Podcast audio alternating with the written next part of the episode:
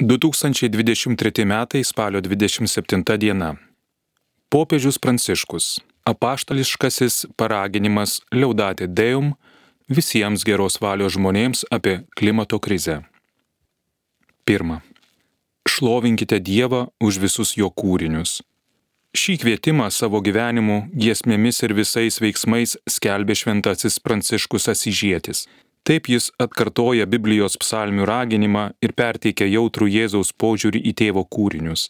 Pasižiūrėkite, kaip auga lauko lelyjos.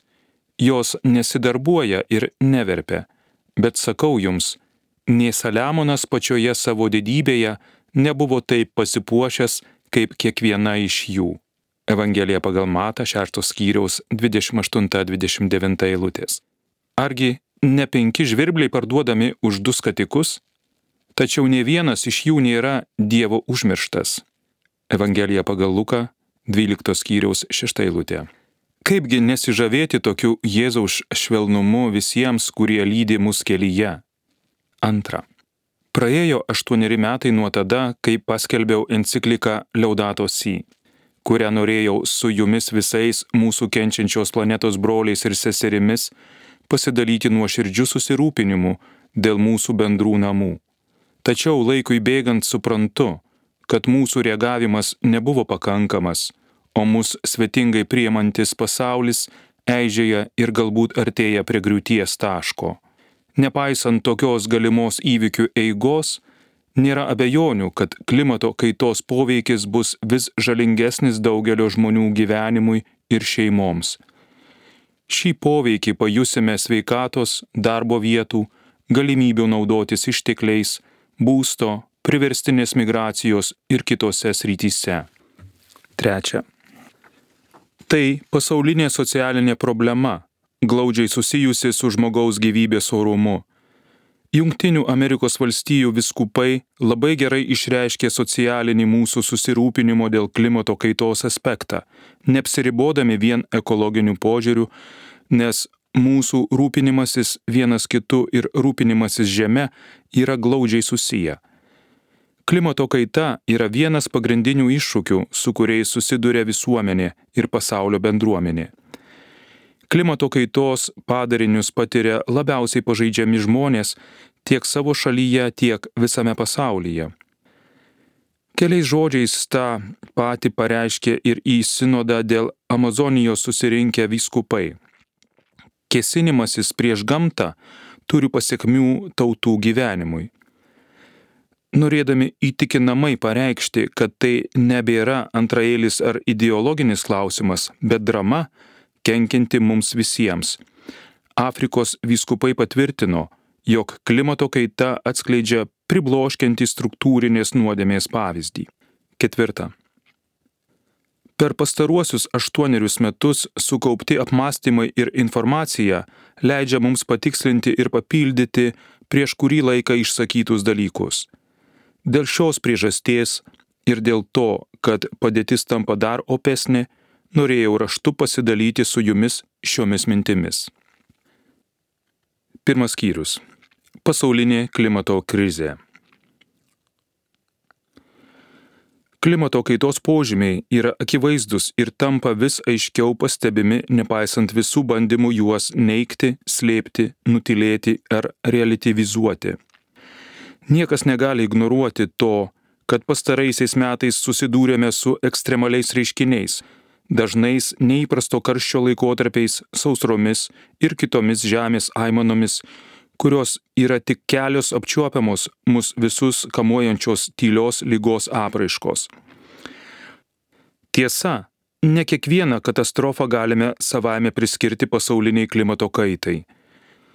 Tačiau galima įrodyti, kad tam tikri žmogaus sukelti klimato pokyčiai gerokai padidina dažnesnių ir intensyvesnių ekstremalių reiškinių tikimybę.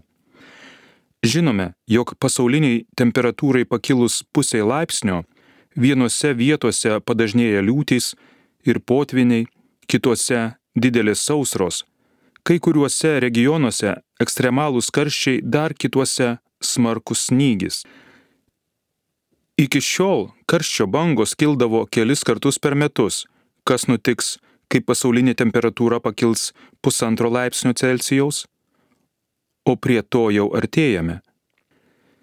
Tokios karščio bangos bus gerokai dažnesnės ir intensyvesnės. Jei temperatūra viršytų 2 laipsnius Celsijaus, visiškai ištirptų Grenlandijos ir didžioji dalis Antarktidos ledo dangos, o tai turėtų milžiniškų ir labai rimtų pasiekmių visiems. Pasipriešinimas ir painiava. Pastaraisiais metais netrūko žmonių, kurie bandė iš šių faktų pasišaipyti. Jie remiasi tariamai patikimais moksliniais duomenimis, pavyzdžiui tuo, kad planetoje visada buvo ir bus atšalimo ir atšilimo laikotarpių. Tačiau jie pamiršta paminėti kitą svarbų faktą. Šiuo metu neįprastai spartėjantis atšilimas vyksta tokiu greičiu, kad jam konstatuoti pakanka vienos kartos, o ne šimtmečių ar tūkstantmečių. Kylanti jūros lygį ir tirpstančius ledynus žmogus gali nesunkiai pastebėti per savo gyvenimą. Ir veikiausiai po keliarių metų daugelis gyventojų grupių dėl šių reiškinių turės persikraustyti iš savo namų. Norint pašiepti tuos, kurie kalba apie visuotinį atšilimą, nurodoma, kad dažnai patiriami ir itin dideli šalčiai. Pamirštama paminėti, jog šie ir kiti nepaprasti simptomai tai yra tik alternatyvios apraiškos, kylančios dėl tos pačios priežasties - visuotinio atšilimo sukelto disbalanso. Tiek sausros, tiek potviniai, tiek išdžiūvę ežerai, tiek gyvenvietės nušluojančios tsunamių ar potvinių bangos galiausiai turi tą pačią kilmę. Kita vertus, jei kalbame apie visuotinį reiškinį, negalime jo painioti su laikinais ir kintančiais įvykiais, kurie daugiausia paaiškinami vietiniais veiksniais. Dėl informacijos trūkumo painiojamos didelės apimties klimato prognozės apimančios ilgus laikotarpius. Kalbame bent apie dešimtmečius. Su nedaugiau kaip kelių savaičių orų prognozėmis. Kai kalbame apie klimato kaitą, turime omenyje pasaulinę tikrovę ir nuolatinius vietinius sviravimus, kuri apima kelis dešimtmečius. Netrūksta žmonių, kurie mėgina supaprastinti tikrovę, kaltindami neturtinguosius, kad šie turi per daug vaikų ir net sprendžia problemą žalodami mažiau išsivyščiusių šalių moteris. Kaip visada, atrodo, kad dėl to kalti vargšai. Tačiau tikrovė tokia, kad keli procentai turtingiausių planetos gyventojų teršia daugiau nei 50 procentų skurdžiausios pasaulio populacijos, o vienam gyventojui tenkantis išmetamųjų teršalų kiekis turtingiausiose šalyse yra daug kartų didesnis nei skurdžiausiose. Kaip galime pamiršti, kad Afrika, kurioje gyvena daugiau nei pusė skurdžiausių pasaulio gyventojų, istoriškai žvelgiant yra atsakinga už nedidelę išmetamųjų teršalų dalį. Taip pat dažnai teigiama, kad pastangos sušvelninti klimato kaitą mažinant iškastinio kūro naudojimą ir kuriant švaresnės energijos formas sumažins darbo vietų skaičių. Iš tikrųjų, milijonai žmonių prarado darbą dėl įvairių klimato kaitos padarinių - jūros lygio kilimo, sausrų ir daugelių kitų planetą veikiančių reiškinių. Kita vertus, gerai valdomas pereimas prie atsinaujinančių energijos šaltinių, taip pat visos pastangos prisitaikyti prie klimato kaitos, daromos žalos, gali sukurti daugybę darbo vietų įvairiuose sektoriuose. Todėl reikia, kad politikai ir verslininkai jau dabar tuo rūpintųsi. Žmogiškosios priežastys. Jau nebegalima abejoti, kad klimato kaita yra žmogiškosios antropogeninės kilmės. Pažvelkime kodėl. Šiltnamio efektą sukeliančių dujų nulemenčių visuotinį atšilimą koncentracija atmosferoje iki XIX amžiaus išliko stabili ir neviršijo 300 milijoninio tūrio dalių. Tačiau to amžiaus viduryje vystantis pramoniai išmetamų teršalų kiekis ėmė didėti. Per pastaruosius 50 metų šis didėjimas labai paspartėjo. Tai patvirtina Mauna Loa observatorijos, kuri nuo 1958 metų kasdien matuoja anglies dioksido kiekį duomenys. Kai rašiau encikliką Laudato Si, koncentracija buvo pasiekusi iki tol rekordinį 400 milijoninių tūrio dalių lygį, o 2023 m. birželį ji jau siekė 423 milijoninio tūrio dalių rodiklį. Skaičiuojant nuo 1850 metų, daugiau nei 42 procentai visų teršalų emisijų buvo išmesta po 1990 metų. Tuo pat metu konstatuojame, kad per pastaruosius 50 metų temperatūra kilo neregėtų greičiu ir tam nėra precedento per praėjusius 2000 metų. Šiuo laikotarpiu per dešimtmetį buvo stebima 0,15 Celsijaus atšilimo tendencija. Tai yra dvigubai didesnė nei per paskutinius 150 metų. Nuo 1850 metų iki šių dienų pasaulio temperatūra pakilo 1,1 laipsnio Celsijaus. Šis reiškinys dar intensyvesnis poliariniuose regionuose.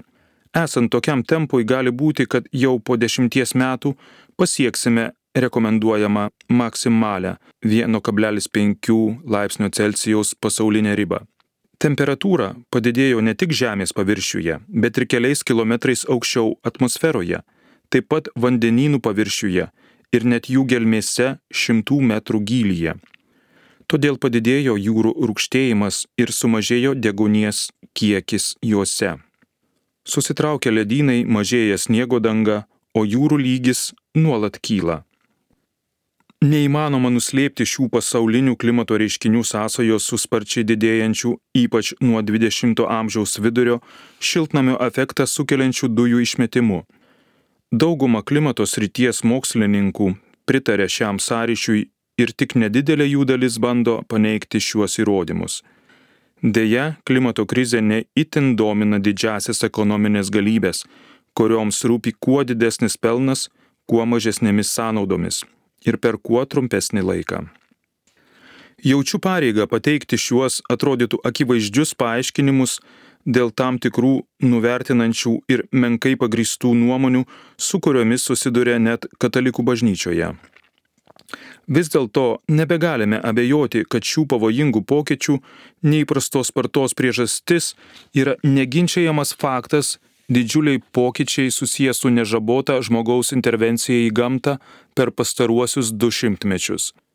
Natūralios kilmės reiškiniai, paprastai sukeliantis atšilimą, pavyzdžiui, ugnikalnių išsiveržimai ir kiti, nepakankamai paaiškina pastarųjų dešimtmečių pokyčių, proporcijas ir spartą. Vidutinis Žemės paviršiaus temperatūros pokyčių negalima paaiškinti kitaip, kaip tik didėjančių šiltnamio efektą sukeliančių dujų poveikiu. Žala ir pavojai. Kai kurie klimato krizės padariniai jau dabar yra negryžtami. Mažiausiai keliems šimtams metų. Pavyzdžiui, pasaulinio vandenino temperatūros didėjimas, rūkštėjimas ir degonies mažėjimas. Vandenynų vandenys pasižymi terminiu inertiškumu, todėl jų temperatūrai ir druskingumui normalizuoti prireikia šimtmečių o tai turi įtakos daugelio rūšių išlikimui. Tai vienas iš daugelio ženklų, kad kiti šio pasaulio kūriniai jau yra ne mūsų bendrakeleiviai, bet aukos. Ta pati galima pasakyti ir apie žemynų ledo dangų nykimą. Šimtus metų nebus įmanoma grįžtamai paveikti atšygalių tirpimo. Kalbant apie klimatą, yra veiksnių išliekančių ilgą laiką nepriklausomai nuo juos sukėlusių įvykių. Dėl šios priežasties nebegalime sustabdyti milžiniškos žalos, kurią nulėmėme. Vos turime laiko užkirsti kelią dar dramatiškesniai žalai. Kai kurios apokaliptinės diagnozės gali pasirodyti nelabai racionalios arba nepakankamai pagrystos. Dėl to neturėtume ignoruoti realios galimybės, kad artėjame prie kritinio taško. Nedideli pokyčiai dėl inercijos veiksnių gali sukelti didelių nenumatytų ir galbūt jau negryžtamų pakitimų. Galiausiai tai gali virsti sniego gniūštės efektą turinčių įvykių lavina. Tokiu atveju visada būna per vėlu, nes jokia intervencija nebegali sustabdyti jau prasidėjusio proceso. Tuomet kelio atgal nebelieka. Negalime tvirtai teikti, kad dabartinėmis sąlygomis visa tai įvyks. Tačiau tokia galimybė tikrai yra, jei atsižvelgsime į jau vykstančius reiškinius, kurie dirgina klimatą, pavyzdžiui, ledo dangų mažėjimą, vandenynų srovių pokyčius, atogražų miškų kirtimą, amžinojo įšalo tirpimą Rusijoje ir panašiai. Todėl netidėliotinai būtina žvelgti plačiau, kad galėtume ne tik stebėtis pažangos stebuklais, bet ir atkreipti dėmesį į kitus padarinius, kurių prieš šimtmetį tikriausiai net nebuvo galima įsivaizduoti.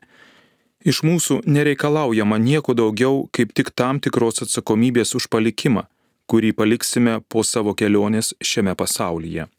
Galiausiai galime pridurti, kad COVID-19 pandemija išryškino glaudų ryšį siejantį žmogaus gyvybę su kitomis gyvomis būtybėmis ir aplinka. Pandemija ypač ryškiai patvirtino, kad tai, kas vyksta bet kurioje pasaulio vietoje, daro poveikį visai planetai. Todėl galiu pakartotinai priminti du įsitikinimus, kuriuos nuolat primiktinai kartoju. Viskas yra susiję ir niekas neišsigelbėja pats vienas. Stiprėjanti technokratinė paradigma. Enciklikoje Liaudatos Si trumpai apibūdinau technokratinę paradigmą, kuria grindžiamas dabartinis aplinkos niokojimo procesas. Tai tam tikras žmogaus gyvenimo ir veiklos supratimo būdas, kuris yra klaidingas ir taip prieštarauja tikroviai, kad net daro jai žalą. Iš esmės tai mąstysena, tarsi tikrovė, gėris ir tiesa savaime rastusi iš technologijos ir ekonomikos galios. Logiška to pasiekmė - lengvas perėjimas prie begalinės ar neribotos plėtros minties, taip patinkančios ekonomistams, finansų ir technologijos teoretikams. Pastaraisiais metais galėjome patvirtinti šią diagnozę ir drauge stebėti naują šios paradigmos plėtrą. Dirbtinis intelektas ir naujausi technologiniai pasiekimai grindžiami idėja apie jokių ribų nesaistomą žmogų, kurio gebėjimus ir galimybės dėl technologijų galima išplėsti iki begalybės. Taigi technokratinė paradigma monstriškai maitinasi pati savimi. Technologijoms reikalingi gamtiniai ištekliai tokie kaip litis, silicis ir daugybė kitų tikrai nėra neriboti Tačiau didžiausia problema yra ideologija, kuri grindžiama šią obsesiją. Neįsivaizduojamai didinti žmogaus galę, kuriai visa kita, kas nepriklauso žmogiškajai tikroviai, yra tik disponuojamas išteklius. Viskas, kas egzistuoja, nustoja būti dovana, kurią dera vertinti, branginti ir ją rūpintis, o tampa vergiška bet kokių žmogaus proto ir jo galimybių įgėdžių auka. Širpina tai, kad išsiplėtusios technologijų galimybės tiems, kurie tai išmano ir pirmiausia turi ekonominės galios, suteikia įspūdingą galę valdyti visą žmoniją ir visą pasaulį.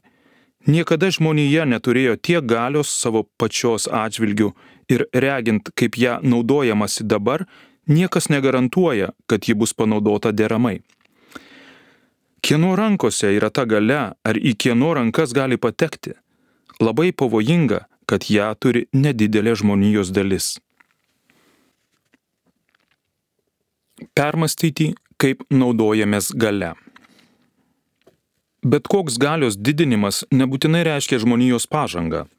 Tai reikia prisiminti nuostabes kabutėse technologijas, kurios buvo panaudotos gyventojams žudyti, atominėmis bomboms mėtyti, etninėms grupėms naikinti.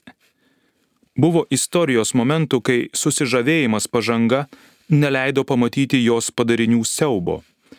Tačiau šis pavojus visada išlieka, nes milžiniško technologijos augimo nelidėto žmogaus atsakomybės, vertybių ir sąžinės raida, žmogus yra nuogas ir išstatytas savo paties nepaliaujamai didėjančios galios valiai be jokių priemonių jai kontroliuoti.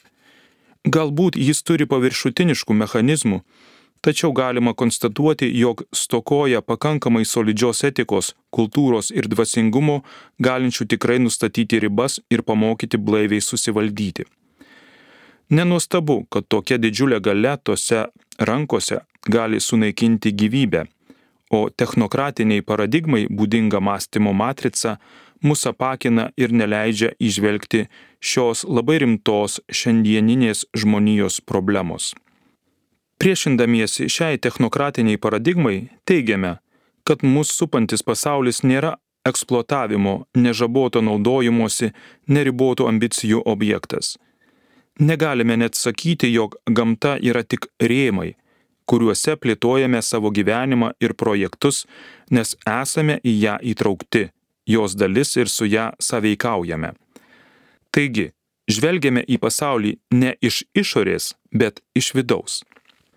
Todėl sveika aplinka taip pat yra žmogaus sąveikos su aplinka rezultatas, kaip antai čia buvių kultūrose, kaip šimtmečiais būta įvairiuose pasaulio regionuose. Žmonių grupės dažnai sukurdavo kabutėse aplinką, tam tikrų būdų ją pertvarkydamos, tačiau jos nesunaikindamos ir nekeldamos jai pavojaus. Didelė šiandienos problema yra ta, kad technokratinė paradigma sugriovė šį sveiką ir darnų santyki. Būtina įveikti tokią žalingą ir destruktyvę paradigmą, tačiau tai pasiekiama ne neigiant žmogų, bet gamtos sistemoms sąveikaujant su socialinėmis sistemomis. Turime drauge iš naujo permastyti žmogaus galios, jos reikšmės ir ribų klausimą. Juk vos per kelis dešimtmečius mūsų gale pašėlusiai išaugo. Padarėme įspūdingą ir stulbinančią technologinę pažangą, o nesuvokėme, kad kartu tapome labai pavojingi, keliantis pavojų daugelio būtybių gyvybei ir savo pačių išlikimui. Šiandien galima pakartoti ironiškus Solovjovo žodžius. Šimtmetis toks progresyvus, kad jam teko tapti paskutiniu. Reikia aiškumo ir sąžiningumo, norint laiku suvokti, jog mūsų gale ir kuriama pažanga atsisuka prieš mus pačius. Etinis akstinas. Realios valdžios etinį nuosmukį maskuoja rinkodara ir melagingą informaciją. Tai priemonės, kuriomis didesnių išteklių turintys asmenys gali pasinaudoti visuomenės nuomoniai formuoti. Pasitelkus šias priemonės, kai planuojama pradėti įgyvendinti projektą, stipriai paveiksinti aplinką ir pasižyminti didelę taršą, vietiniai gyventojai apgaudinėjami kalbomis apie vietovėje būsimą pažangą arba apie ekonomikos augimo, užimtumo ir žmogiškojo vystimosi galimybės atsiveriančias jų vaikams.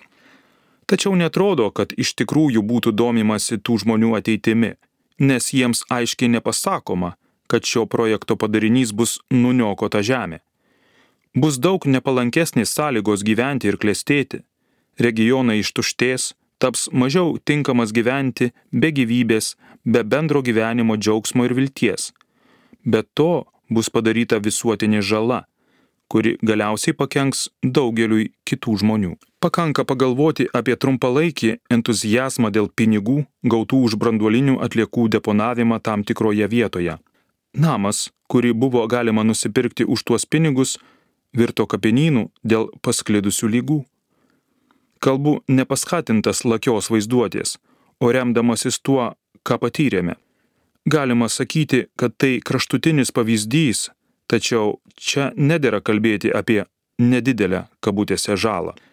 Nes būtent daugelio toleruotinais laikomų žalingų veiksnių visuma galiausiai atvedė mus į tokią padėtį, kokioje dabar esame. Ši padėtis susijusi ne tik su fizika ar biologija, bet ir su ekonomika bei jos samprata Didžiausio pelno mažiausiomis sąnaudomis logika, prisidengusi racionalumu, pažanga ir iliuziniais pažadais, neleidžia nuoširdžiai rūpintis mūsų bendraisiais namais ir skirti dėmesį visuomenės atstumtųjų pažangai.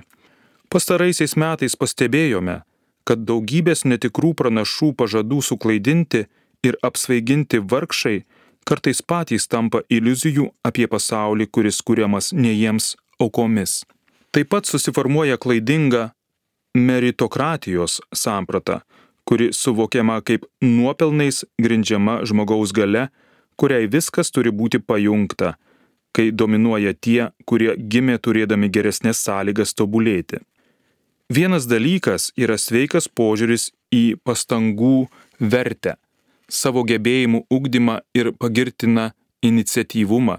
Tačiau jei nesiekiama tikros galimybių lygybės, tai lengvai virsta uždanga dar labiau įtvirtinančia daugelio didesnę galę turinčių asmenų privilegijas. Pagal šią iškreiptą logiką, kodėl jiems turėtų rūpėti mūsų bendruomenėms namams daroma žala, jei jie jaučiasi saugus, apsišaravę ekonominių išteklių, kuriuos pasiekė savo gebėjimais ir pastangomis tariama apsauga. Žvelgiant į savo sąžinę ir vaikus, kuriems teks mokėti už tais veiksniais padarytą žalą, iškyla prasmės klausimas. Kokia mano gyvenimo prasmė? Kokia mano kelionės šioje žemėje prasmė? Kokia yra galimybė mano darbo ir pastangų prasmė? Tarptautinis politikos silpnumas. Tačiau istorijoje matome ir tam tikros atžangos. Kiekviena karta turi perimti ankstesnių kartų kovas ir pasiekimus, siekdama dar aukštesnių tikslų. Tai kelionė. Gėrio kaip ir meilės, teisingumo bei solidarumo negalima pasiekti vieną kartą ir visiems laikams. Juos reikia išsikovoti kiekvieną dieną. Jei norime tvirtos ir ilgalaikės pažangos, primiktinai pabrėžiu, kad pirmenybė teiktina daugia šaliams valstybių susitarimams. Daugia šališkumo nedėra painioti su pasaulinė valdžia, kuri sutelkta vieno asmens ar pernelyg didelę galę turinčio elito rankose. Kai kalbama apie tam tikros teisiškai reguliuojamos pasaulinės valdžios formos galimybę, nebūtinai reikia galvoti apie asmeninę valdžią. Visų pirma, kalbėkime apie veiksmingesnės pasaulinės organizacijas, kurioms būtų suteikti įgaliojimai užtikrinti viso pasaulio bendrąją gerovę, panaikinti badą ir skurdą bei realiai apginti pagrindinės žmogaus teisės. Reikalas tas, jog joms siekiama suteikti realią valdžią, kad jos užtikrintų tam tikrų neatšaukiamų tikslų įgyvendinimą. Taip atsirastų daugia šališkumas, kuris nepriklausytų nuo kintančių politinių aplinkybių ar keleto asmenų interesų ir būtų stabiliai veiksmingas. Vis dėlto tenka apgailestauti, kad neišnaudojamos pasaulinių krizių daromos progos, nors jos atveria sveikų pokyčių galimybę. Taip atsitiko per 2007-2008 metų finansų krizę ir vėl pasikartojo per COVID-19 krizę todėl kad veiklos strategijos, kurios vėliau susiformavo pasaulyje, buvo orientuotos į didesnį individualizmą, mažesnę integraciją, didesnę laisvę tikrai galingiesiems, kurie visada randa būdą apsisaugoti. Daugia šališkumo pertvarka. Atrodo, jog dabartinis iššūkis yra ne tiek išsaugoti senąjį daugia šališkumą, kiek jį pertvarkyti bei atkurti atsižvelgiant į naują pasaulio situaciją. Kviečiu pripažinti, kad daugybė pilietinės visuomenės susivienijimų ir organizacijų padeda kompensuoti tarptautinės bendruomenės trūkumus, jos veiksmų koordinavimo stoką sudėtingose situacijose, nepakankamą dėmesį pagrindinėms žmogaus teisėms. Pavyzdžiui, Otavos procesas prieš, prieš pėstinių minų naudojimą kūrimą ir gamybą yra pavyzdys, įrodantis, kaip pilietinė visuomenė ir jos organizacijos gali sukurti veiksmingą dinamiką, kurios jungtinės tautos negeba pasiekti. Tokiu būdu subsidiarumo principas taikomas ir santykiui apimančiam globalų bei vietinį lygmenį. Vidutinės trukmės laikotarpiu globalizacija sudaro palankės sąlygas spontaniškiems kultūriniams mainams – didesniam tarpusavio pažinimui ir žmonių integracijos būdams, vedantiems į daugiašališkumą, kylanti iš apačios, o ne nulemta tik valdžios elito sprendimų. Visame pasaulyje iš apačios kylantis reikalavimai, kai įvairiausių šalių aktyvistai padeda vieni kitiems ir remia vieni kitus, galiausiai gali sudaryti spaudimą galios veiksniams. Reikia tikėti, jog taip nutiks ir klimato krizės atveju. Todėl kartoju, piliečiams nekontroliuojant politinės galios nacionalinių, regioninių ir savivaldos lygmenių neįmanoma kontroliuoti ir žalos aplinkai. Postmodernioji kultūra iššūkdė naują jautrumą silpnesniems ir mažiau galių turintiems žmonėms. Tai siejasi su enciklikoje Fratelli Tutti mano primigdinai pabrėžiama žmogaus asmens pirmenybė ir jo orumo gynimu, bet kokiomis aplinkybėmis. Tai dar vienas būdas, kaip skatinti daugia šališkumą, siekiant spręsti tikrasias žmonijos problemas, pirmiausia užtikrinant pagarbą asmens orumui taip, kad etika būtų svarbesnė už vietinius ar sąlyginius interesus. Kalbama ne apie tai, kad kažkas turėtų užimti politikos vietą, nes kita vertus kylančios galios tampa vis svarbesnės ir iš tiesų gali pasiekti reikšmingų rezultatų, sprendžiant konkrečias problemas, kaip kai kurios iš jų įrodė pandemijos metu. Pats faktas, kad atsakymai į problemas gali ateiti iš bet kurios šalies, kad ir kokia maža ji būtų, galiausiai nurodo daugia šališkumą kaip neišvengiamą kelią.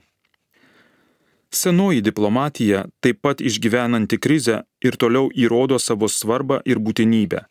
Tačiau jai dar nepavyko sukurti daugia šalės diplomatijos modelio, kuris atitiktų naują pasaulio konfiguraciją.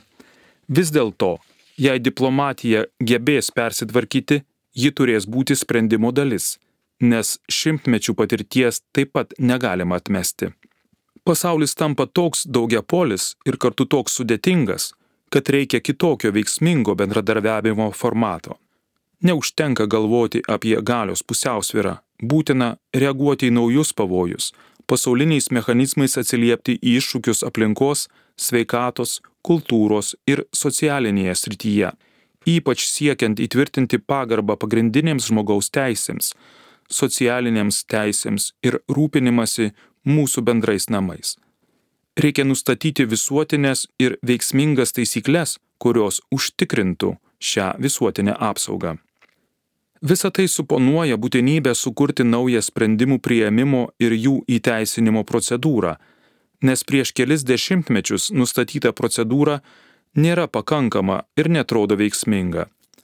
Šiomis aplinkybėmis būtinai reikia pokalbių, konsultacijų, arbitražo ir konfliktų sprendimo ir priežiūros erdvių, Trumpai tariant, būtina tam tikra didesnė demokratizacija pasaulinėme kontekste, kad būtų galima išreikšti ir įtraukti įvairias situacijas. Daugiau nebebus tikslinga remti institucijų, kurios saugo stipriausiųjų teises nesirūpindamos visų teisėmis. Ištrauka iš popiežiaus pranciškaus apaštališkojo paraginimo Liaudatė Deum visiems geros valios žmonėms apie klimato krizę skaitė Mindaugas Zimkos.